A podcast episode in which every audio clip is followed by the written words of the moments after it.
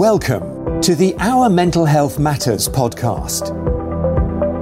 In this podcast, we talk about mental health matters and mind moments, which focus on mindset and workings of the mind.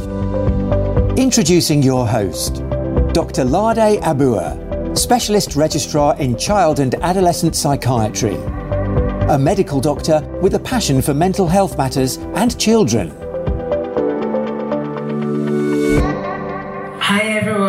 Everyone, it's Lade here. Welcome to our Mental Health Matters. Uh, today I'm highly honored to have with me uh, for a podcast interview Professor Shekhar Seshadri. He is a senior professor and head of child and adolescent psychiatry at the National Institute of Mental Health and Neurosciences in Bangalore, India. And he is also an associate dean of the Behavioral Sciences Division. Welcome, Professor Seshadri. Thank you very much, Lade. Pleasure to be here. Yes. Uh, so today you are an international champion of global mental health. So we will talk generally around uh, global mental health and challenges, as well as um, mental health in developing countries, and finally stigma. So I'll start off with uh, global mental health challenges. As an international champion, what would you say are the main challenges we face in terms of mental health? I think it's very interesting uh, to try and define what global mental health actually Yes. means. Yes. Uh, if we pay attention to the several discussions that even we have had Yes. uh, in our last meetings, Yes. is there a common and a shared definition or understanding of what people mean by global mental health? The term global mental health does not necessarily refer to disorders. Yes. It refers more importantly to contexts in which disorders take place. Yes. And when we pay attention to these contexts, it raises issues like conflicts or humanitarian emergencies or displacement. And the impact that these social or socio political phenomena have in terms of mental health. Uh, in my instance, because I come from the domain of child and adolescent mental health, Yes. I look at the global challenges of child mental health in terms of the impact of complex humanitarian emergencies on children, the impact of conflict uh, on children, impact of social phenomena uh, like displacement or, or, or trafficking. Therefore, global mental health can pertain to contexts, they can pertain to spaces. For example, children living in institutions. Now, there are childcare institutions um, in the developed world, and there are childcare institutions in the lower and middle income countries. You know, do they differ in terms of how interventions and assistance is, is offered? Global mental health could also refer to age specific issues Yes. or the age as a context. For example, what is the status of old age uh, problems across the globe? Or what is the status of very young children uh, who are preschoolers and uh, are developmental intervention or is mental health screening or you know looking at the experience of trauma in very young children uh, is that something that service providers are uh, sensitive about? Global mental health also refers to the second issue that you raised in your introductory statements which is about developing countries. And if you look at the mental health gap do we really need to look at non professional service providers and skill them and capacitate them to provide, services for the large number of people Yes. who need help but who will never be able to access uh, treatment facilities? In a country like India that I come from, where uh, we have a huge population and the number of professionals or the number of tertiary care services are very few. For the population. Indeed, yeah. and and for every child who manages to reach us, there are hundred children who will never reach us. Wow. And what can we do to basically uh, take services uh, to the spaces that they inhabit and occupy? So that's what I really define as global mental health and the challenges therein. So, as, as you rightly mentioned, um, the number of professionals available to the population is really small in developing countries. That's right. And Nigeria, which is originally where I come from originally as well, Mm-hmm. as of the last time I visited, which was a couple of years ago, I, I hadn't come across a child and adolescent psychiatry unit. And it's Mm-hmm. amazing that that's a country that has hundreds of millions of people and Mm-hmm. um, hundreds of millions of um, children as well that would require uh, Right. such. So, as you, you've also rightly said, uh, it is to scale um, other people who are not professionals to be able to provide such services. So, how can we, um, you know, initiate such um, such actions or efforts for that to occur? Uh, That's a very critical uh, systemic question. Yes. Mental health professionals sometimes have a tendency to get cocooned in their clinical spaces. For any meaningful public mental health work, and in my instance, public child mental health work, uh, you need to have the initiative and the ability to work with systems because the landscape of the practice of child mental health is not restricted to the clinic. It extends to all spaces that, as I said, that children inhabit and occupy. Yes. It's a Which- holistic approach. Exactly, which is schools, Yes. early childcare centers, childcare institutions, mm-hmm. families, the streets and public spaces, and so on. Now, if you look at three critical sectors, which is health, welfare, and education, these provide the three sectors in which this kind of service delivery can be considered. In education, therefore, we look at schools and we also look at early childhood education and development. Now, India has one of the largest welfare schemes in the whole world. It's called the Integrated Child Development Scheme, where children under the age of six are provided with immunization, a midday meal, uh, which gives them supplementary nutrition, as well as early childhood education so that they are prepared once they are six to enter into school. The scheme also focuses on mothers um, and on maternal care. Now, this is a very critical space where disability can be identified early. Early, and then they can be directed to the help they need. They could either be directed for help if you're dealing with issues that are moderate to severe in nature. But if they are mild, the service providers can meet with these uh, contexts by themselves. So it's a question of uh, the mild problems being dealt with by the primary service providers, the moderate and severe. going to the There are two challenges there how to recognize Yes. and, and where to refer. Yes.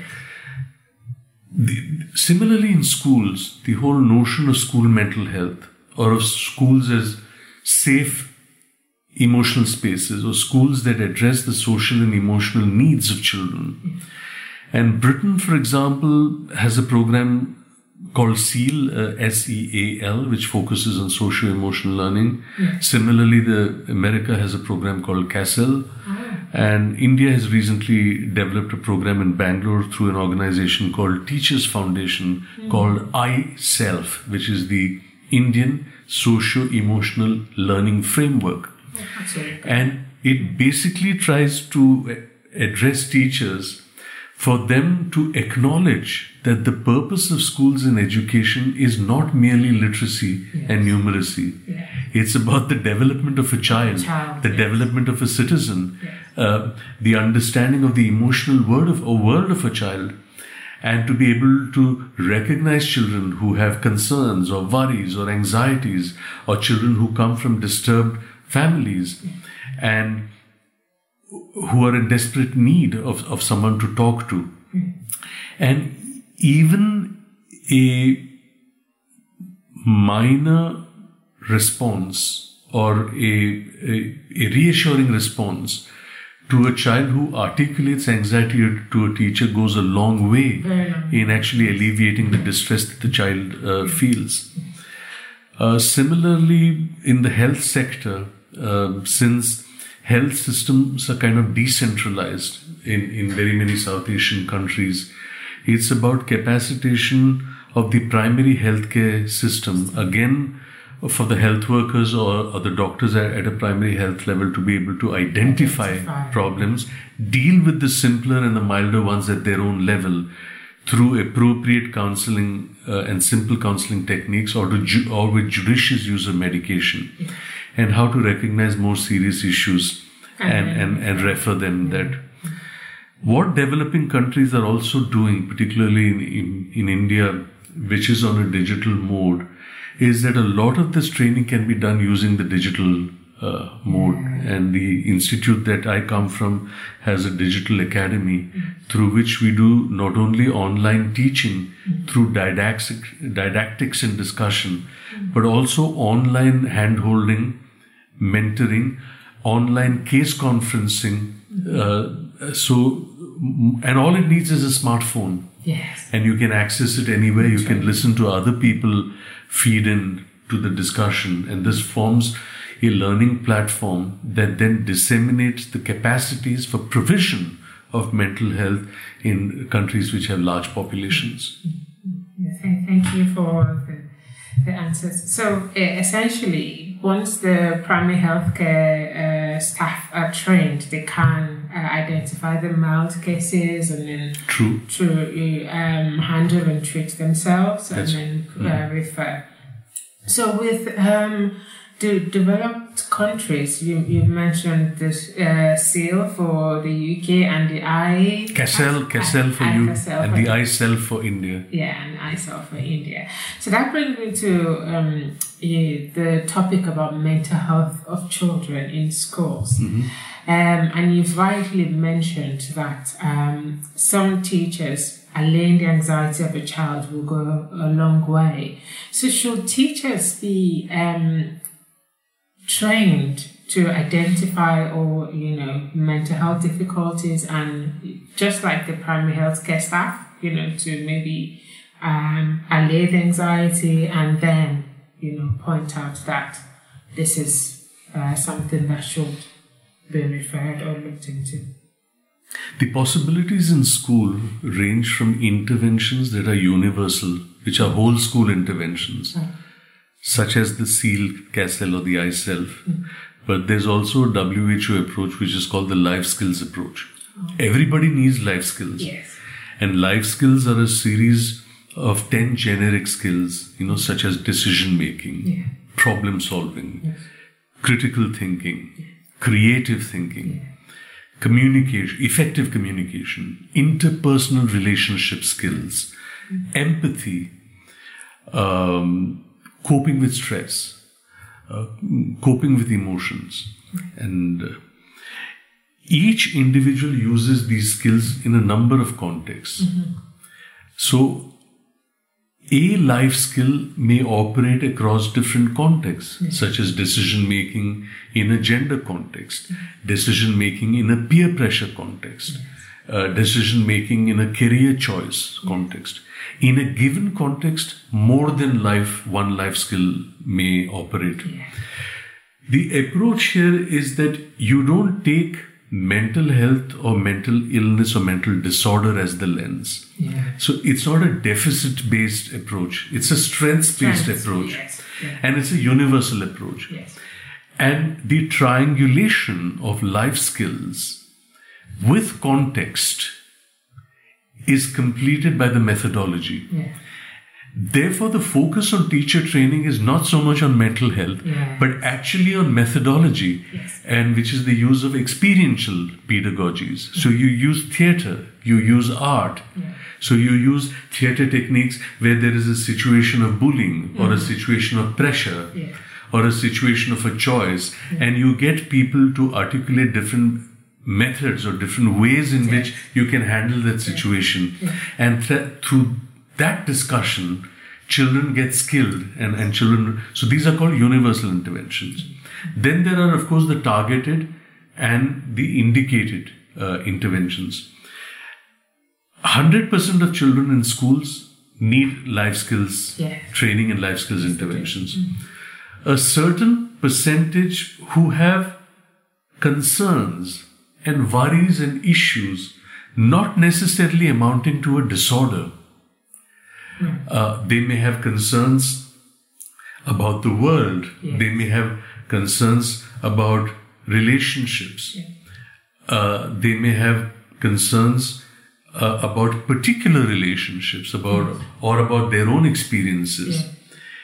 And children need a space to articulate Articulate. uh, and and to be heard, and for people to respond, not merely to tell them about what is right or wrong, but to speak about different methods or, or maybe just to validate their feelings and experience. Then, of course, there are children who have more serious uh, uh, issues uh, who may need specialist attention.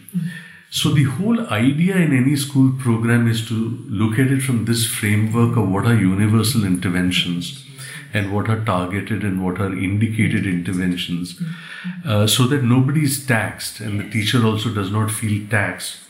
But a lot of this rests on a basic conviction that the school system needs to have that this kind of an approach is very much an intrinsic part of basic education and not something extra. Yeah.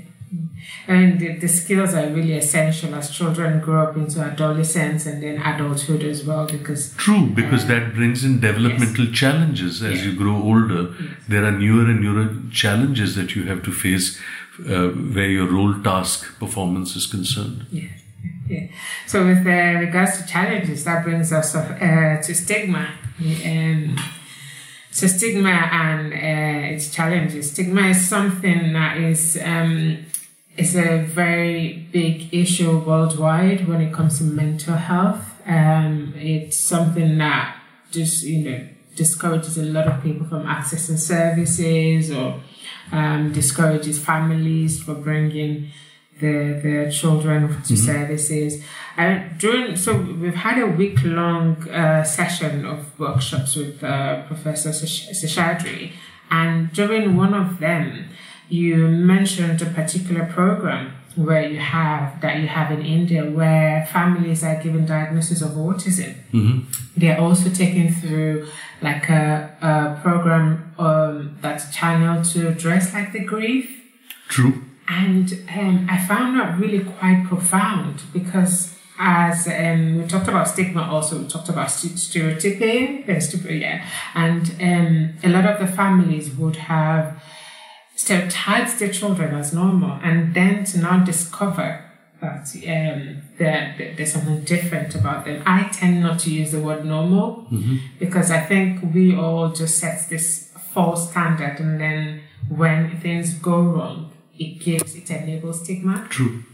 Um, so with stigma, what would you say are your thoughts regarding stigma about uh, mental health globally and the challenges and how you know we as individuals or we as professionals can help? Uh, Lari, the, co- the context of stigma is, is quite complex Yes. um, and quite fascinating in a poignant way. Yeah. Let's not look at it merely from the perspective of mental health, uh, and I will come to the issue of grief work, Yes. uh, where child mental health is concerned, in a bit. Let's look at it from a larger health perspective. If somebody has had to say that I lost a family member, and the question is what happened, you know, uh, w- was he ill? Was she ill? And, Yeah. and uh, how did he die? What happened?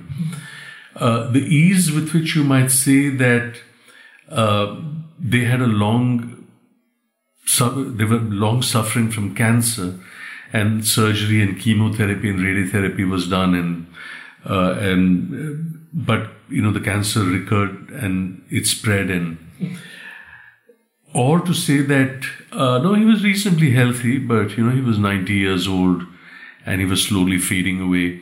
And uh, there were children and, and grandchildren and great grandchildren uh, yes. and an extended family of about 100 people 80 of whom managed to come while he was sinking. And he had all of them around and he was still lucid and you know it was very gentle. And these are all logical stories. Stories, yes.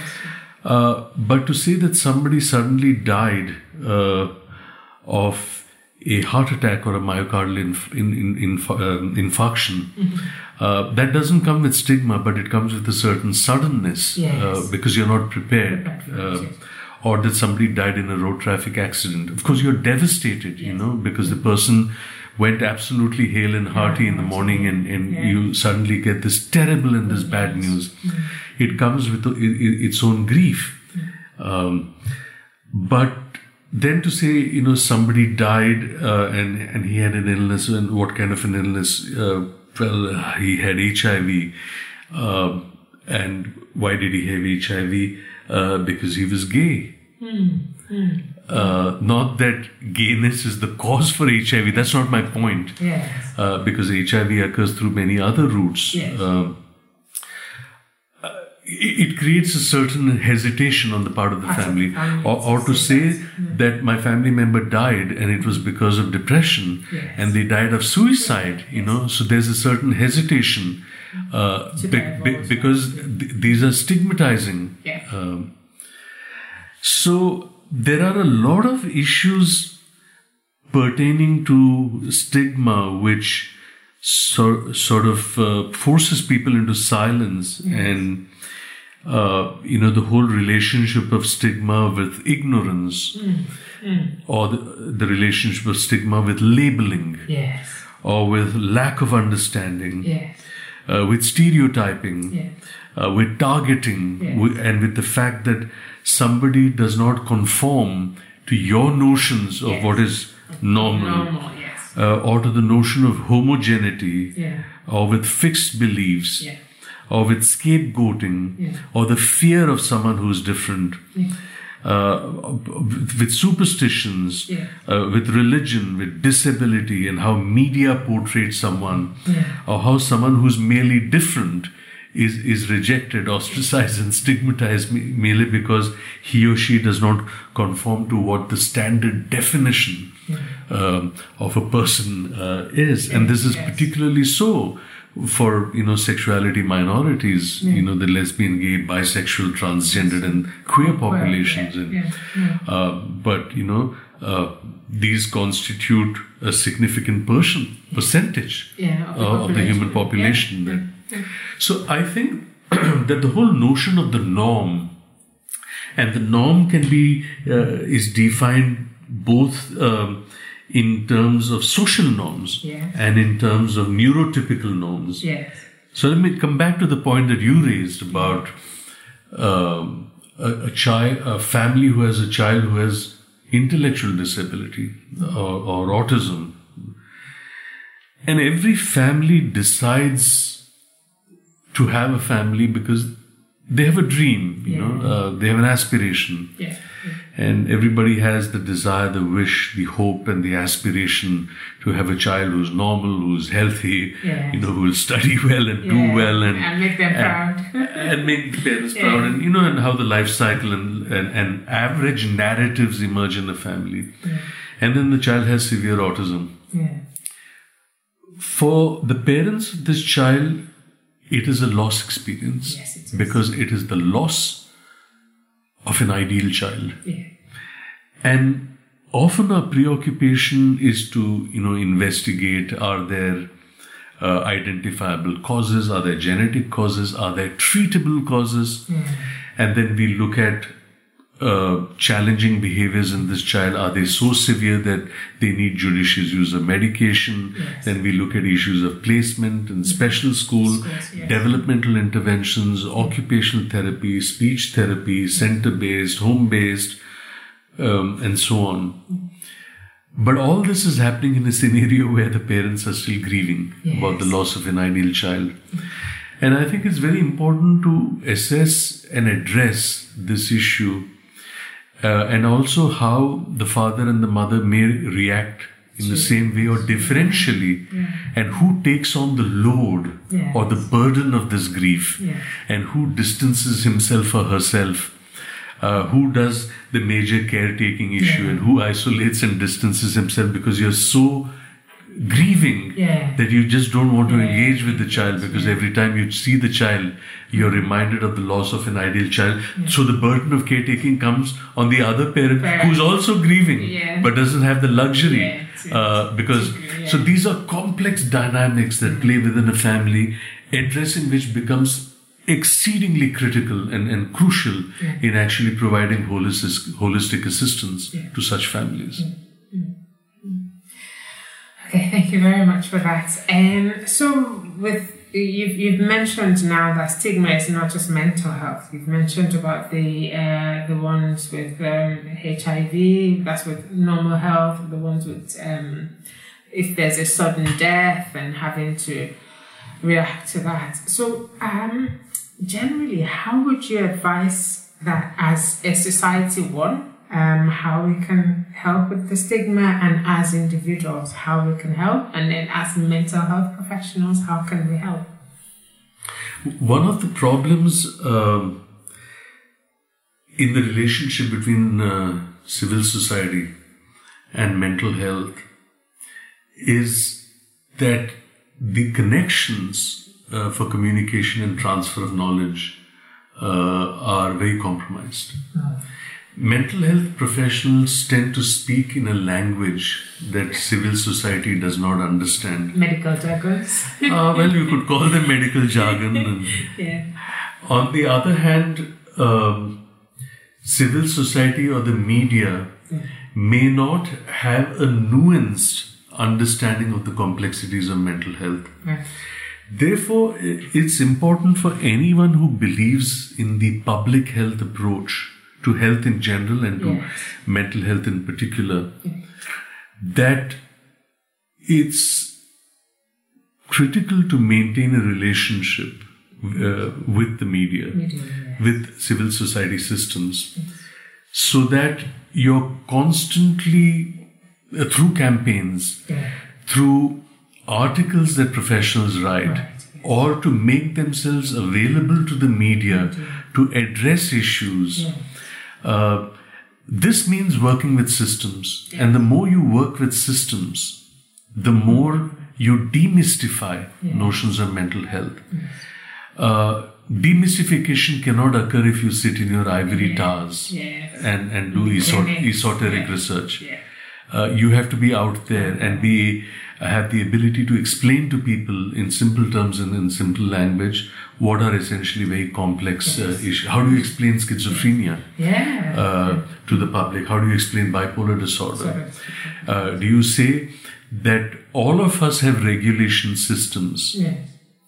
you know how we regulate uh, our feelings and our emotions you know it's like uh, any uh, equipment which runs on an electric system if there are fluctuations in the voltage Yeah. uh, the system may break down yes. so in order uh, for the fluctuations in electricity to go properly to the equipment we use a voltage stabilizer Yeah, yeah. Similarly, there are mechanisms in the brain mediated through chemicals or perhaps some pre existing genetic vulnerability where regulation systems do not work and Yes. Those parts of the brain that control regulation of mood do not work. So sometimes you're very low, sometimes you're very high. So what do you do that? You put them on mood stabilizers. So voltage stabilizer and mood stabilizer. So, uh, to be able to use simple constructs, metaphors, Yes. and communicate to the uh, to civil society and to the public, so that a demystification take place, and th- this serves two critical functions. It reduces stigma, Yes. and it increases treatment seeking and early treatment seeking Yes. so that you're then able to provide the necessary assistance that the person may need before the problem or the illness or disorder actually escalates Yes. to serious proportions. Yes.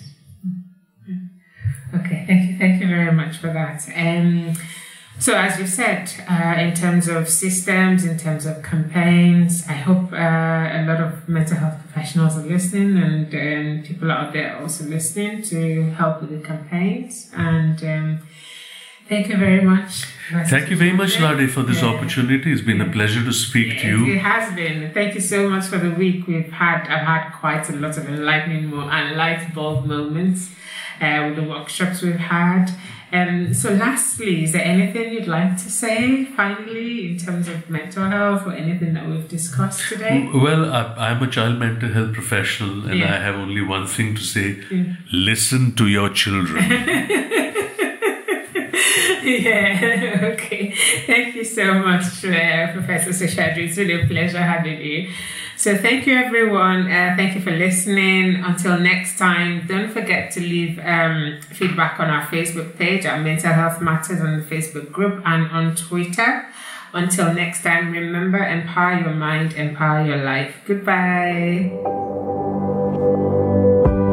Thanks for listening to the Our Mental Health Matters podcast. You can follow me on Twitter at Omaledamaka. Until next time, empower your mind, empower your life.